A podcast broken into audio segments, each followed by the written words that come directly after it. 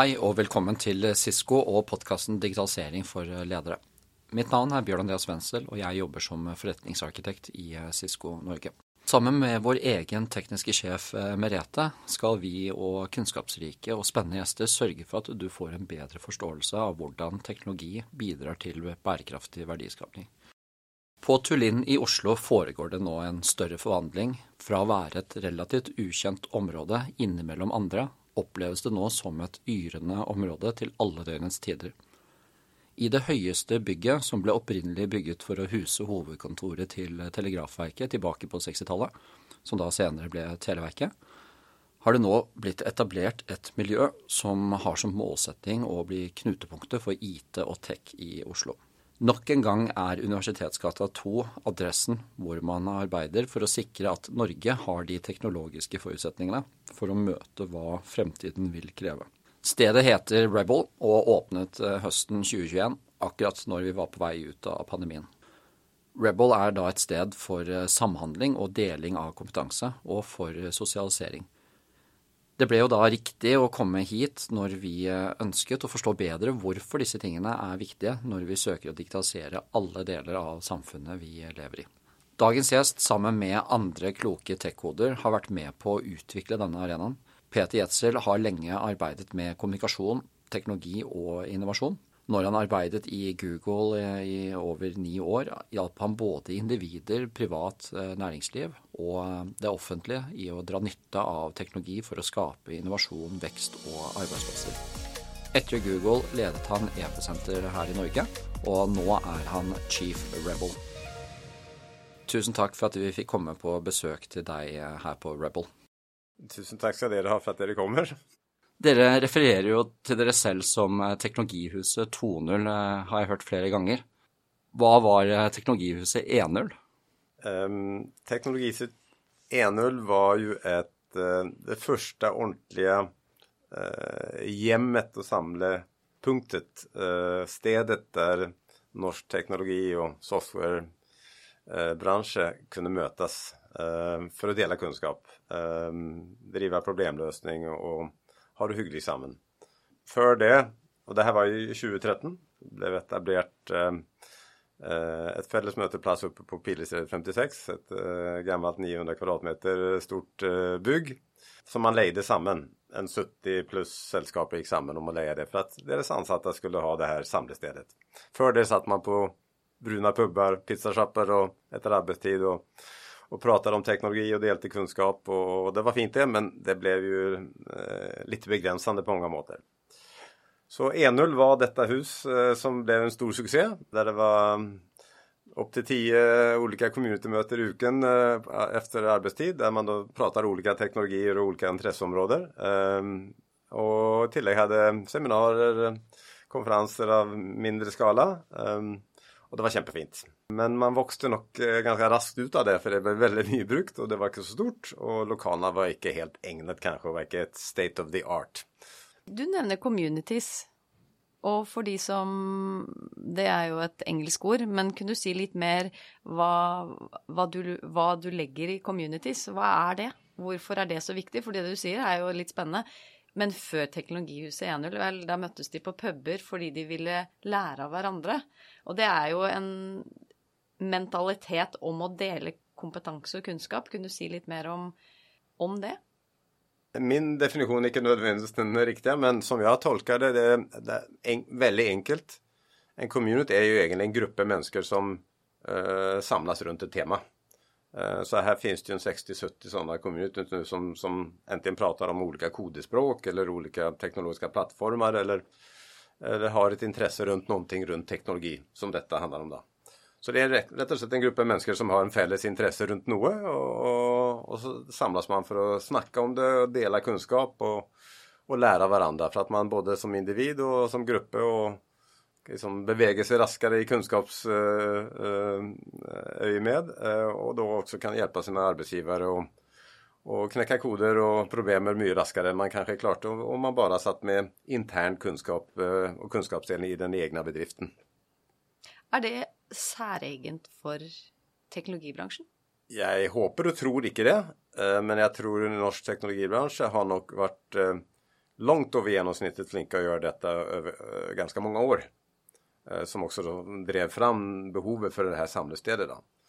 Eh, och jag tror ju att det är många branscher som kan lära massor av detta. Jag tror vi är allt för rädda för att dela med andra i branschen och till och med konkurrenter som man gör här som är fantastiskt. Här sitter ju riktigt stora konkurrenter i samma rum ansatta från samma alltså konkurrenter då, och delar fritt kunskap om väldigt, väldigt mycket. Icke förrättningshemligheter. Men insikten i techbranschen kanske kontra andra branscher är väl att eh, i den eh, tidsålder vi lever där ting förändras så raskt och där så mycket är tillgängligt universalt via webben så är det inte så väldigt mycket som är hemligt. Jag tror man har större risk eh, att man, när man tror att man har funnit guldägg och man har något som är så fantastiskt, att det finns andra ting som är mycket bättre där ute. Mm. Eh, och då är det att dela vad man håller på med och få inspel av andra eh, gör ju att man mycket raskare kan döda dåliga idéer eh, och spara massa tid och pengar. Men de idéerna som har levels rätt får ju mycket eh, bättre eh, värdeökning och kan raskare bli ett lönsamt och bra produkt. Mm. Och jag hör att delning är en viktig värde för detta bygge här. Kan du säga något om vilka värderingar har Rebel? Hela Rebel är tuftat på egentlig teknologihuset. Så, så Rebel är ju en tonul-version. Där alla de önskorna som dessa utvecklarna och, och teknologisällskapen hade i att ha ett bra mötessted har blivit manifesterat. Då. Så jag har liksom eh, pimpat det som var uppe på Pilsted 56 kan man säga på många mått. Både i störelse men framförallt i faciliteterna och inte minst den tekniska riggen på huset. Och där uppe hade vi några egna serveringsstäder. Här har vi massor med fina och försäljliga serveringsstäder som möter då olika behov. Så det här med delning, fälles problemlösning är extremt viktigt. Eh, men jag vill nästan framhäva eh, kulturen. Alltså det viktigaste värderingen är att vi prövar att skapa ett eh, ett, ett, a home away from, the, from home and an office away from office eh, för många, för det är inte alla som har kontorer här. Men det ska vara ett samlested för många som vill dela. Och bygga en kultur där vi måte, eh, jag säger det på engelska, för det hör, liksom, we're in this digital race together. Eh, så, så, så brukar Nils Arne Eggens mantra att vi måste spilla varandra goda. Det Det enaste måten för oss som individer och som sällskaper och verksamheter att liksom beväga oss raskt nog. För världen förändras otroligt raskt och konkurrensen är verkligen global. Liksom. De flesta som har med detta hus att göra har ju verkligen skönt detta och det är därför de tillträckes här. För de vill bli raskare, eh, smartare och bygga bättre produkter och tjänster och ha ett bättre städ för sina ansatta tillägg. Så den kulturen där vi liksom vi hjälper varandra. Det vill jag säga liksom kanske den mest bärande tingen av värdegrundlaget här. Liksom att här kan man alltid komma med sina problem och vi, vi prövar att finna hjälp och vi hjälper varandra liksom. Eh, så det, det tror jag är det viktigaste. Jag läste ju Peter när du kom ombord i Rebel att nu skulle du in och rocka och rocke ved. Vad la du i det den gången? Vad tänkte du? Jag eh, må väl ärligt inrymma att de orden blev nog lite placerade från någon annan. Eh, men eh, jag anammar dem gärna.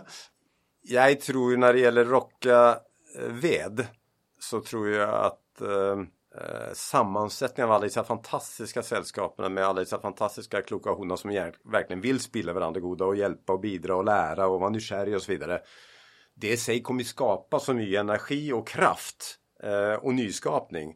Icke minst i samarbete mellan eh, sällskapen och individerna här. Som, så det i sig tror jag allerede vi inte rocka ved. Och, och tillbaka till det du spurte mig, att, att, att jag tror många branscher kan lära av det. Uh, och det hoppas jag det blir, det blir flera sådana här miljöer runt omkring i, i Norge då. Så att den här dugnadsånden som vi är så goda på privat och i idrottsföreningar och allt det, att vi också får det i näringslivet i större grad. Uh, det finns ingen grund till att vi inte ska ha det i näringslivet. Vi är ett litet land, vi må samarbeta mycket bättre. När det gäller Rocke så är jag ju som man säger på god svenska en glad skit. Jag kommer absolut göra mitt, jag hoppas jag allerede har begynt men, men ska göra mer för att skapa en fantastiskt god stämning här. Inte bara det fagliga att vi ska spela varandra goda men vi ska ha det göj. Uh, eh, för det, vi lägger mycket tid på arbetet och gör det gärna när vi gör ting som är meningsfullt men uh, då är det viktigt också att man uh, man kan eh, ibland logga av det rent fagliga men också ha det göj samman då. Och då vet vi också att eh, då får vi också fagliga resultat så att det, det, det hänger ju samman. Ja, så är det gärna så fort sånn att energin smittar över så om inte du rockar akkurat den dagen så kanske någon annan gör det och då påverkar det dig. Ja, vi, vi, det är många här som vill rocka. Jag hör ju också ofta, eh, jag oppholder jeg meg til tider i bygget her og har jobbet med dere en god stund, Petter. Og jeg hører ofte idrettsanalogier. At her skal man være med å bygge eh, altså de, eh, Eh, elitelaget eller landslaget eh, for digitalisering. Men er det, ikke, det er jo ikke de få gode spillerne vi trenger, det er jo bredden vi trenger. Men vi ser jo i idretten nå at det, dette med å inspirere gjennom å vise de eh, altså, topplagene, det er jo med på å drive frem bredden også. Hva, hva tenker du rundt det? Ja, absolutt. Vi trenger jo begge, begge to. Det er precis som idretten. Och vi ska göra vårt bidrag här både för att, att, skapa en bredde och ett miljö som är stort nog så många vill komma hit. Så det blir liksom eh, uh, bina samlas runt, runt honningkrukan för det här är mycket kunskap, det här är mycket att tappa in i. Så har vi inte kommit så långt på vår resa, vi är ganska unga fortsatt, vi är fortsatt i vårt första driftsår. Så när det gäller detta att lyfta fram, om man kan kalla det, någon stjärnor då, som vi har många av heldigvis både i Norge och här eh, på Rebel. Eh, där har vi inte kommit så långt än, men, men det tror jag är viktigt. För det är någonting med att inspirera, både inhemska talenter men också att vi kan tilltrycka oss be, be flera talenter från utlandet som söker ett bättre sted att bygga sin karriär och sin framtid. Eh, som vi också är avhängiga av, för vi, vi sliter med, som de flesta mindre land, med att ha nock utav dessa utvecklade talenterna som vi tränger av. Så vi gör ju också en, en eh, insats, eh, och där det är också med, för att, att inspirera nya generationen. Så det är flera led i detta med kompetensförsörjningen som är en stor utfordring för eh, för alla branscher, men framförallt techbranschen. Så vi har ju en del projekt med Kuben och Älvbacken vidaregående skolor och har dialog med flera vidaregående skolor för hur vi kan liksom bidra med vårt för att stimulera dessa eleverna att kanske studera fler stämyrken och kanske ge sig inom teknologi och softwareutveckling och så vidare. Så vi har ju bland annat något som heter Rebel Youth Academy där vi samman med det och någon andra partner här liksom skapar en, ett program som en del av Osloskolens sommarskola för första gången nu i år. Då som vi hoppas kan bli något som både igentas i sommarferierna men också i andra ferier. För det är ett gott alternativ till elever som önskar och tränger kanske stimulans som vi kanske inte får ellers. Eh, och som kan skapa grundlag för framtidens stjärnor och framtidens rebeller. Och, så det är viktigt tror jag att spela den rollen och göra vårt bidrag där. Och det att alltså, tillrättalägga för att folk tør att utforska denna teknologidimensionen, då, det hörs ut som det är ett område där jobbar på. Men detta är en podcast som huvudsakligen fokuserar på digitalisering. Hvorfor er disse tingene som du her prater om, så viktige i forhold til at vi skal digitalisere ting rundt oss? De aller flesta skjønner ju att eh, det digitala blir mer och mer centralt i alla branscher. Även de som inte har kanske varit så digitala tidigare. Offentlig som eh, privat selvfølgelig, och akademia och allting. Och så är det någonting med att synliggöra synliggjøre tror jag. Om vi kan bidra eh, för att, till det du sa, inte bara stjärnan men, men, men vara ett showroom, då? För att visa fram och tillgängliggöra eh, allt det spännande som sker och hur man kan liksom dra nytta av det. Eh, så, så hoppas jag att det kan också stimulera både individer till att liksom söka sig mer mot den branschen och se att det här är ju möjligt, det är inte så hokus pokus. Eh, men också att eh, verksamheter, både privat, offentlig och akademia finner lösningar och partners som de säger, men de kan hjälpa oss att lösa det här problemet vi har, den här utfordringen vi har. Så liksom, göra det digitala och det teknologiska lite mer vardagsligt och göra det eh, synligt och, och ufarliggöra det då. Tror jag är viktigt så att flera följer att man kan vara med på detta. För jag tror ju att vi har en stor uppgave fortsatt liksom att få med oss alla. Så leave no one behind är på något sätt ett viktigt mantra. Tror jag, liksom att hur kan vi skapa då utandning, plattformar som tillgängliggör kunskap på lav nivå först så att man får en entrébiljett och kommer in i det här, börjar förstå mer utav det. Eh, så att det inte blir så farligt och mystiskt som man hellre loggar av som man lätt gör hvis man inte förstår någonting. Och det inkluderar både yngre och oss som är mitt i arbetslivet men också de äldre. Så vi har ju också diskuterat med er och flera andra, liksom, hur kan vi, vi har något som heter Rebel Campus där vi, vi lagar kursrum och så vidare där vi vill ha innehåll som både är för de som inte kan så mycket än så att de kan komma sig in eh, men också gå lite längre ner i dubben för de som redan kan ganska mycket. Men göra det tillgängligt på, på en måte som eh, med partner här på huset tror jag är en viktig uppgave för, för oss och många andra. Men vi vill gärna vara en, en, en facilitator för att flera kan få sprida god kunskap som många tränger då. Och då berör du ju detta med utbildning och forskning, eller utforskning då. Och vi sitter ju nu på, eh, eller i Tullin eh, området, eller Tullin som jag alltså förstår att det, det, det uttalas som. Och det är ju ett av tre innovationsdistrikter i eh, Oslo. Dette er jo innovasjonsdistrikt eh, sentrum, som eh, også strekker seg godt begge veier. Oslo Met er jo her, og det er jo også en aktør som dere jobber sammen med og, og ser på tilbake til dette med utdanning og utforskning. Hvordan ser dere deres rolle i si, Tullinn og ikke minst innovasjonsdistrikt sentrum? da? Utover det som jeg har sagt, så er jo koblingen mot akademia her litt interessant, syns jeg. fordi at eh, vi håper eh, att vi kan hjälpa Oslo OsloMet och gärna andra utlandsinstitutioner också. Eh, både i Oslo, men också Trondheim och Bergen och så vidare Att göra Norge ändå mer attraktivt för både inhemska studenter att förbli här istället för, för att de må resa till något eh, stort utland för att liksom få någon fantastisk både utdanning och koppling mot näringslivet icke minst. Som man i USA för exempel är väldigt goda på. koppling mellan akademi och näringslivet där med projektarbete och sånt är, är väldigt bra. Det må vi bli bättre på här och det hoppas vi kunna facilitera. Men vi hoppas också att eh, om vi kan ha gott samarbete med akademia i förhållande till både praxisplatser och projekt och forskning och så vidare eh, på reella viktiga eh, samfunds eller näringslivsutfordringar då hoppas jag också att vi kan bli en attraktiv, ett attraktivt sted och ett land där utländska studenter i större grad kommer hit.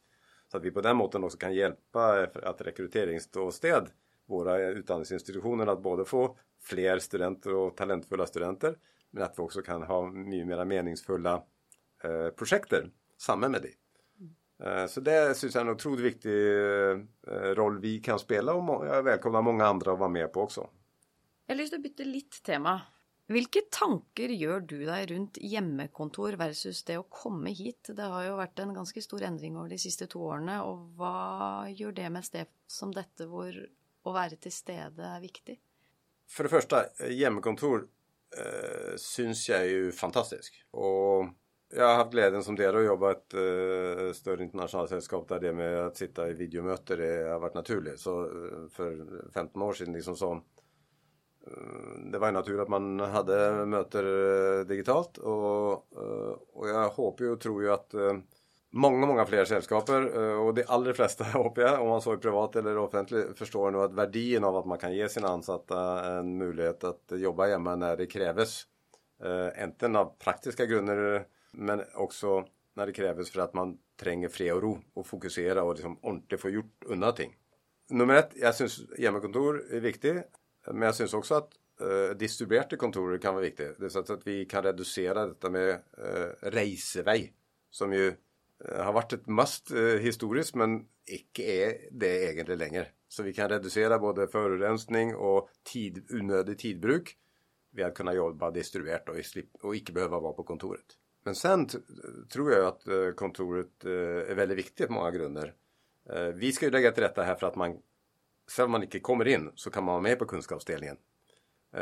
Och vi har ju planer att jobba med det också för att liksom, pröva att dra det här ännu längre och göra det ändå bättre. Men det är nummer ett.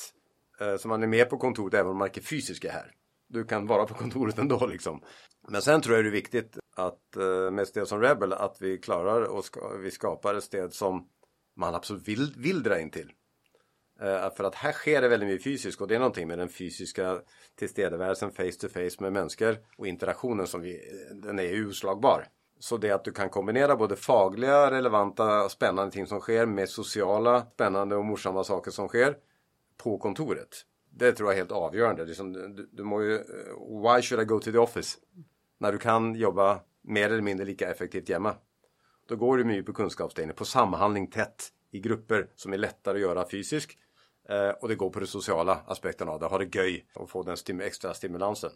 Og da må jeg, jeg har lyst til å pense inn på en utfordring eh, de har i USA om dagen. Eh, det har ikke kommet til Norge enn så lenge. Det, det er et begrep som har, som har kommet som heter The Great Resignation, hvor de ser en Under covid så var det veldig mange ansatte i selskaper i USA som sluttet. En markant Eh, oppgang i oppsigelser. Og de sier at grunnen, uh, hovedgrunnen til denne store oppsigelsesbølgen kommer av at de kom ut av hamsterhjulet under covid og så hvilket hamsterhjul de var inni. Og så et behov for å få mer balanse. Og spørsmålet til deg, Peter, du nevner noe, nemlig noe med det sosiale. Og det har vært en forskningsrapport her sånn fra MIT, eh, Slow Management, eh, hadde en artikkel om dette, hvor de sa at eh, den største overraskelsen i, i, studien på alle de som hadde valgt å si opp, var at de rett og slett eh, manglet det sosiale. Og at de sa at det var en utrolig viktig årsak til at de, de sluttet, at de hadde de ikke et bra miljø. Eh, tror du noe, denne The Great Resignation, som det, de kaller det i USA, tror du vi vil få de til Norge?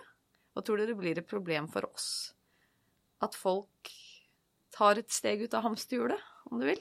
Jeg tror at vi muligens får noe av det. Eh, men på en helt annen måte, tror jeg. Og jeg tror vi vil velkomne det. Jeg tror ikke vi får den store bølgen eh, som de får. Har själv bott och jobbat där i många, många år. Um, och jag förstår det. Uh, till stor del då att covid då var en trigger. för att uh, utan att dissa USA, så, så men, men, det är ju mycket större grad sånn uh, eh, många tror jag där lever för att jobba. Uh, Medan vi och det, det är en slags samfunds press och kultur för liksom att liksom jobba och karriär är så otroligt viktigt. Så att det på nästan, alltså folk tänker inte på att det är ju inte det som är viktigt i slutändan. Alltså den, så den, det är någonting med kulturen där tror jag som gör att, att man då eh, det är mycket mera jobb, jobb, jobb, fokus, karriär, karriär, karriär och, och mera eh, för show än det faktiskt ger värde inne i dig. Och det är mycket fokus på pengar och och status och sånt där som, som vi har ju det här om men inte i samma grad. Jag tror vi har mycket större kultur och acceptans för att man ska ha en balans i livet, för annars blir man liksom mycket god över tid. Då. Eh, man lever ikke gott liv, man blir ikke en god ansatt, man blir ikke produktiv och så vidare. Och för de som inte har sett uh, TED-talken Why We Sleep, så kan jag uppfordra dig att se på den. För den tror jag också är ett symptom i typ USA och, och kanske den anglosaxiska världen, att man ska vara så extremt produktiv och jobba så mycket. Och, och det är inte bärkraftigt på något som helst måte. Um, så jag tror inte vi får samma bölge här. Jag hoppas på en måte att det flere får en wake-up call och kanske tar någon grepp. Jag är själv väldigt tillhängare av har ha mycket utandning och hjälpt folk med personal development planning. Eh, som jag hoppas jag får göra mer här på Rebel också. Eh, för for jag, jag, tror det är extremt viktigt att vara bevis på eh, vad man önskar uppnå här i livet. Både professionellt men också privat. I den anglosaxiska världen och speciellt kanske i USA, så tror jag fokuset ligger på vad jag ska uppnå professionellt. Och så blir den här privata delen lite sån skadelidande. Man sätter inte nog fokus på det. Så jag tror det viktigt att få finna den balansen. då. Jag har haft glädjen av att, jag spiller ute i tennis, jag har haft glädjen av att spela mot någon som blev världens bästa tennisspelare. Och, och jag måste säga att eh, de jag tror ju att eh, de inte blev eh, så goda bara för att de var så goda på att träna på forehands och backhands och servar och sin fysiska prestationsevne och taktik och allt sånt där. Men jag tror det också, och jag vet att det är och var extremt goda på att finna tid i hektiska racerverksamheter och uker med träning och kamper och sånt för att koppla av. Att, att de hade andra intressen, om det som var musik eller andra idrätter eller eh, vad det än måtte vara. Eh, de brukte tid på det, och brukte det samman också till det sociala aspektet du sa. Reiste i grupper så de kunde koppla av och göra helt andra ting. Det gjorde att de klarte att vara goa i världseliten under många år. Och det tror jag många glömmer, framförallt i USA. Uh, eh, vi nog bättre på det här, men vi kan fortsatt bli mycket bättre tror jag. Bärkraft för mig uh, är ju lika mycket som vi prövar i det här huset att eh, uh, och ha gjort. vi har genbrukt massa materialer och inte liksom erstattet ting, utan genbrukt på många måter. Vi prövar å energisnåla. ekstremt energisnåle. Vi prövar då lite til bland annat med dere, då för digitala lösningar så man slipper rejsa till konferenser, möten och så vidare. Man kan ha mycket bättre upplevelser digitalt än man tidigare kunnat haft. Så jag syns også det, det är er hur hvordan får vi individen att, att eh, uh, levere tid och ha det bra över tid. Och ha det bra både på jobb och bra hemma. Det, det är någonting vi pratar kanske lite för lite om när det gäller bärkraft och Det borde vi eh, uppfordra fler till att vara med på diskussion på hur vi kan få till gott också uh, framöver. Jag tror att vi glömmer av och till hur lite bärkraftigt det är när människor går på en smäll. Eh, och den, det aspektet ved bärkraft eh, burde vi absolut snacka mer om. Eh, det är både kostbart för samhället, men det är ett element som också gör att vi har bättre liv. Det är otroligt morsomt att du drar fram det, det aspektet ved bärkraft. Så Peter, du fortalte oss nu at du så for deg at man kom til å få distribuerte arbeidsplasser, eller at det er flere steder man vil eh, eh, ønske å jobbe fra. Og tilbake til det Merete nevnte med The Great Resignation, så er det jo dette med grad av fleksibilitet man bl.a. ser eh, er en trigger for om folk revurderer hvor de vil jobbe. Og vi vet jo også at en, en solid kultur i en organisasjon bestående av mange individer går jo ofte på mer dette med sense of purpose og sense of belonging. At man faktisk forstår det man driver med, eh, och og hvorfor. Man kan jo tenke seg at når du har flere steder du kan velge å jobbe fra, så oppstår det jo nesten et form for marked eh, med steder man kan arbeide fra. Og innenfor eh, marknadsföring markedsføring, som du også har jobbet mye med, Peter, så snakker man jo bl.a. om dette med betalt kontra fortjent omtale. Og jeg ser jo nå en indikasjon på at veldig mange bedrifter nesten prøver å ikke betale, men de, de skaper gulrøtter for at folk skal komme inn på kontoret. Og det er jo ikke fortjent. Det er ikke fordi at folk eh, naturlig velger at vet du hva, nå har jeg lyst til å dra inn på kontoret. Så det virker som det er i ferd med å etablere seg et litt sånn klasseskille mellom de som virkelig klarer å bygge et, et, miljø på disse fysiske arbeidsplassene som folk ønsker å oppsøke, versus de som bare prøver å, å lokke folk dit. da. Har du egne betraktninger rundt dette? Jeg jo stor, har jo stor tro på att prøve å förtjäna och gjøre, uh, do the right thing and the rest will follow som Larry Page alltid sa. Det är ingen floskel, det, er, det ligger så otroligt mycket sanning i det eh, uh, inom många, mange dimensioner. Uh, eh, faktum är, det är ju selvfølgelig krävande. det är många arbetsplatser som selvfølgelig sliter med detta för at att när eh, de ansatte upplever att ja, men jag kan göra väldigt god jobb hemifrån eller från hytta eller liksom, varför ska jag gå på kontoret? Så det är inte så lätt med vem som skapar det. Du, ledelsen är ju upptatt med så mycket annat. Alltså, eh, det är ju inte riggad för det här. Det har inte varit ett, det är ett skifte nu, verkligen, för väldigt många verksamheter. Då. Eh, men om man kan se på de verksamheter som har haft det här tidigare så är det ju så att du måste jobba med de ansatta tänker jag för att finna ut av var det som hade gjort eh, relevant och viktig och göj och stimulerande och viktig att dra till kontoret och vara på kontoret. Men jag tror det viktiga, eh, själv om man knäcker den koden då, så tror jag det är helt avgörande egentligen framöver att man inte tvivlar på att det ska vara så. Du måste inte se de ansatta för du ska stola på att de gör jobben. Det, det är ju fortsatt dessvärre allt för många ledare som, som har den hållningen att om jag kan se dem så, eh, så tror jag hellre de gömmer sig undan jobben och har jämmerkontor med GJ. Liksom. Och den, det är en kultur och hållningsändring som vi må förändra på hos ledare. De ledare som har den hållningen menar jag, de må ju vara en utdöende rase. Om man inte kan stola på sina ansatta och bygga en kultur där när man ger frihet så får man massa tillbaka. Det är som kärlek. Du kan inte, om du älskar en person så kan du inte låsa in den i en bur och som tror att den ska älska dig tillbaka och aldrig älska någon annan, det vill jag göra något annat du må ju släppa den fri. Liksom, och ge den frihet och, och så må du förtjäna att den kommer tillbaka och kommer hem till dig. Det är ju egentligen enkelt men, men det är ju en kultur här som må förändras tror jag och sannolikt är det en utrygghet hos många ledare också.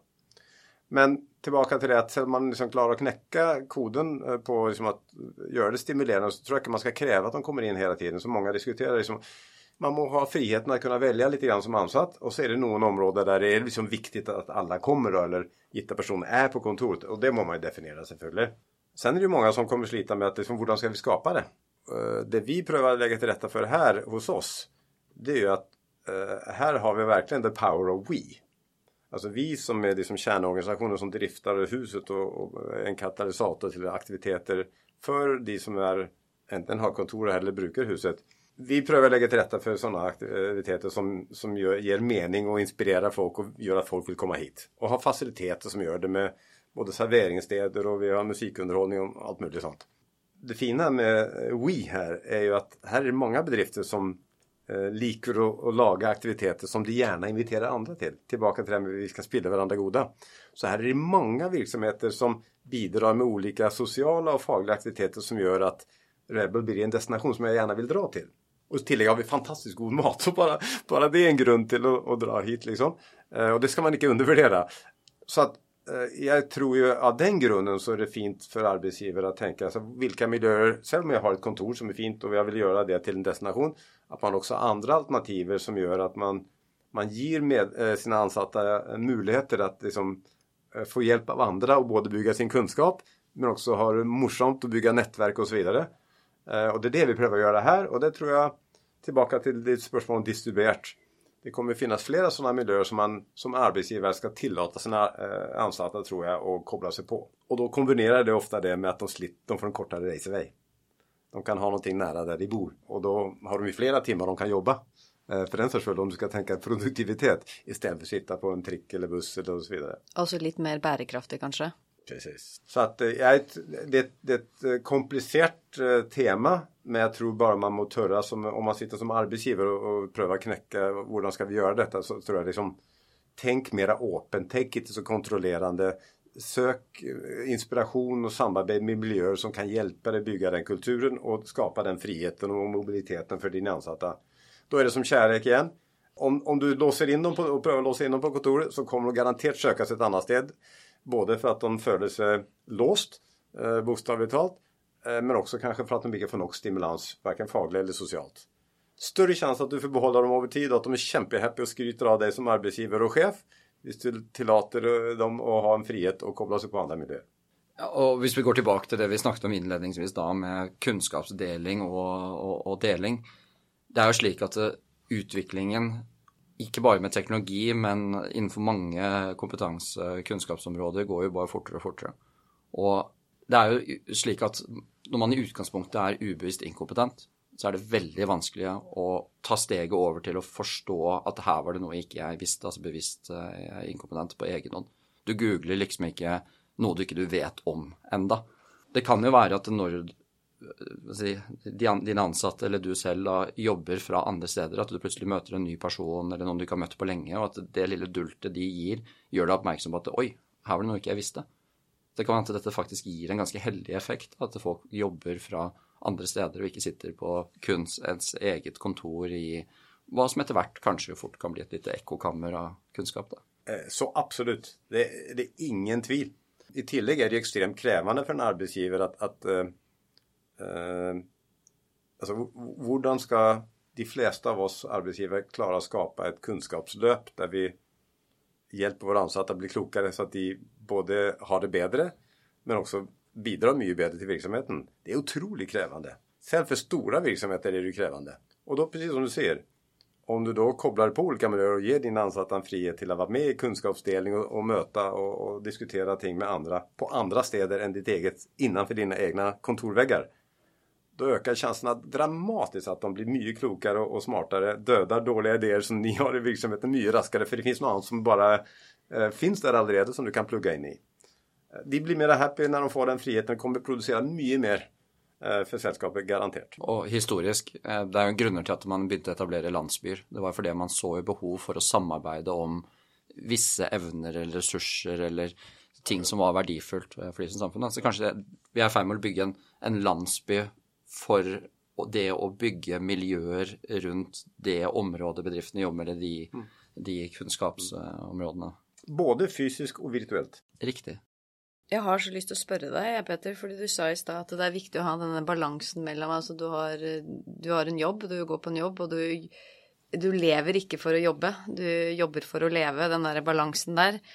Og da må jeg Jeg fikk veldig lyst til å spørre deg om hva er det viktigste for deg å oppnå som ansvarlig for et sånt sted?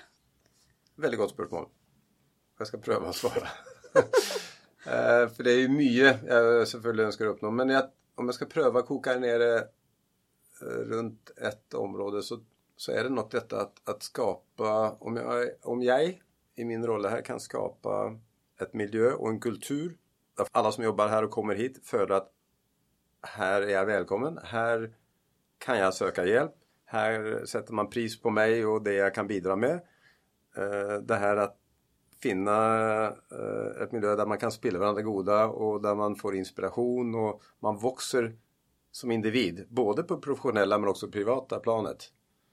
Eh, skapa kultur här där man ser tillbaka på tiden på Rebel, när vi var där och hade kontor där eller var en del av det. Där växte jag som individ. Där byggde jag både professionella nätverk som jag hade väldigt mycket glädje av i arbetslivet och bidrog till min arbetsgivare och så vidare och min utveckling.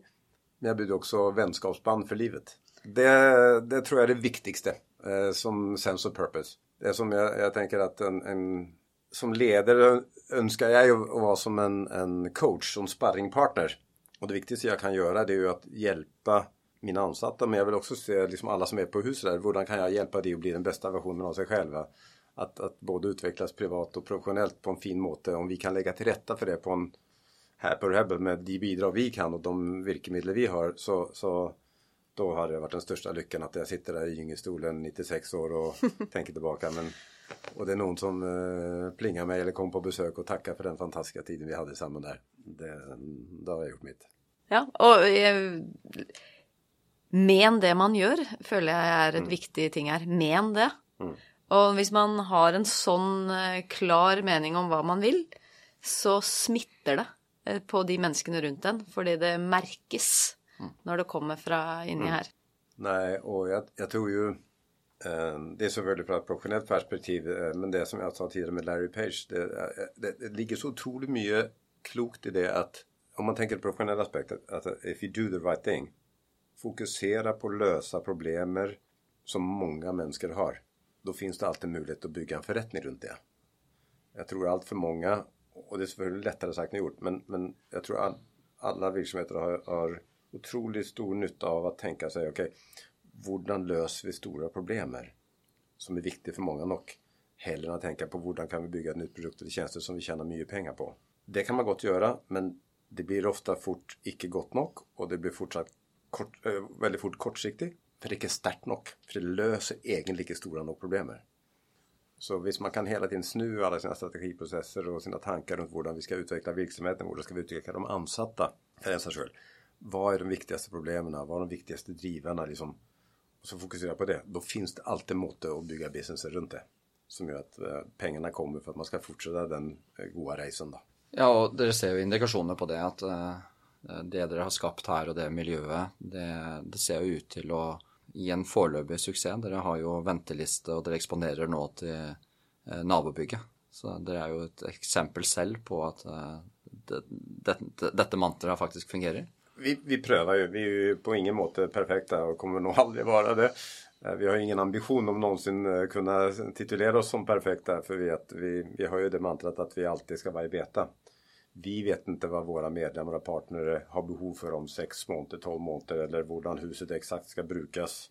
Vilka aktiviteter vi ska pröva, vad katalysator till det sker här och så vidare. Men vi imiterar alla som vill vara en del av detta och söker mer kunskap, söker klokskap och samhandling och goda sociala miljöer. Att, att skapa det samma med oss, komma med inspelbordaren vi kan göra ting. Eh, för vi sitter inte med facitet. Så vi prövar att ha den hållningen och så har vi, är vi väldigt tacknämliga för att vi har vårt ursprung i Teknologihuset. För det är, det är ju byggt baserat på någon behov, reella behov. Eh, när vi startar upp i Pilsäter 56 och nu är här. Vi har teknologi så mycket att tacka för det och vi inviterar såklart de och de på den här resan med hur vi ska utvecklas till 3.0 och 4.0 och, och så vidare. Men alla som vill komma och ha inspel till att bidra, välkomna. För som sagt, vi är inte perfekta, kommer aldrig vara. Vi ska, vi ska sträva mot perfektion samman med alla de som vill vara en del av miljöet här. Och det gläder oss att vara med på vidare, Peter. Så Peter, dette har vært uh, særdeles uh, inspirerende. Uh, rent avslutningsvis, uh, for de som hører på og prøver å skape noe lignende, enten innad i sin virksomhet eller et lignende miljø for deling blant virksomheter, hva, har du et avsluttende godt råd til dem? Jeg hadde jo først prøvd å identifiere vad är det man prövar att lösa? Eh, är det stor nog utfordring eh, för många nog som betyder nog, då är det sannolikt värt att lägga tid på. Det gäller om det är produkter eller tjänster man värderar, sällskap man värderar och bygga runt en problemställning. Sörj för att det är stort nog, viktigt nog för många nog, tänker jag. Då är det sannolikt värt att pröva att få till det.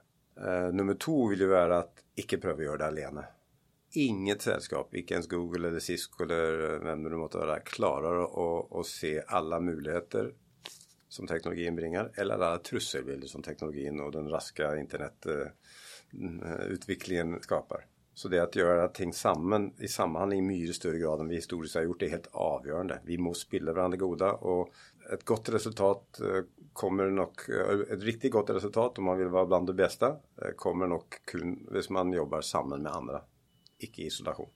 Och sen eh, det tredje punktet må ju vara att bygg en god kultur där man ger frihet.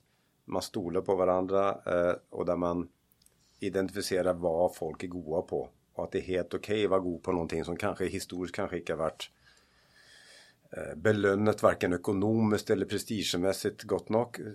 Det är som att sätta samman ett fotbollslag. Du kan inte sätta den som är en keepertalent i anfall bara för att det är mera prestige för att de får flera rubriker surr för att liksom folk får, eh, man har en kultur där det är grejt att, och, erkänna vad man inte är god på för att heller då få eh, spela vidare och bruka det som man är god på. Och där är grejt att fejla. Man må ju testa. Jag älskar ju citatet från, från Jeff Bezos där han säger liksom att vi driver med data driven rapid experimentation. Det är det eh, alla stora framgångsrika sällskapen nu gör. Brukar data och testar och fejlar vad som funkar fort.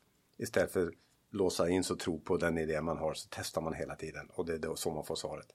Så han säger ju att to be wrong may hurt a little bit. Det vill säga man prövar någonting så går det gärnt. But being too slow will kill you.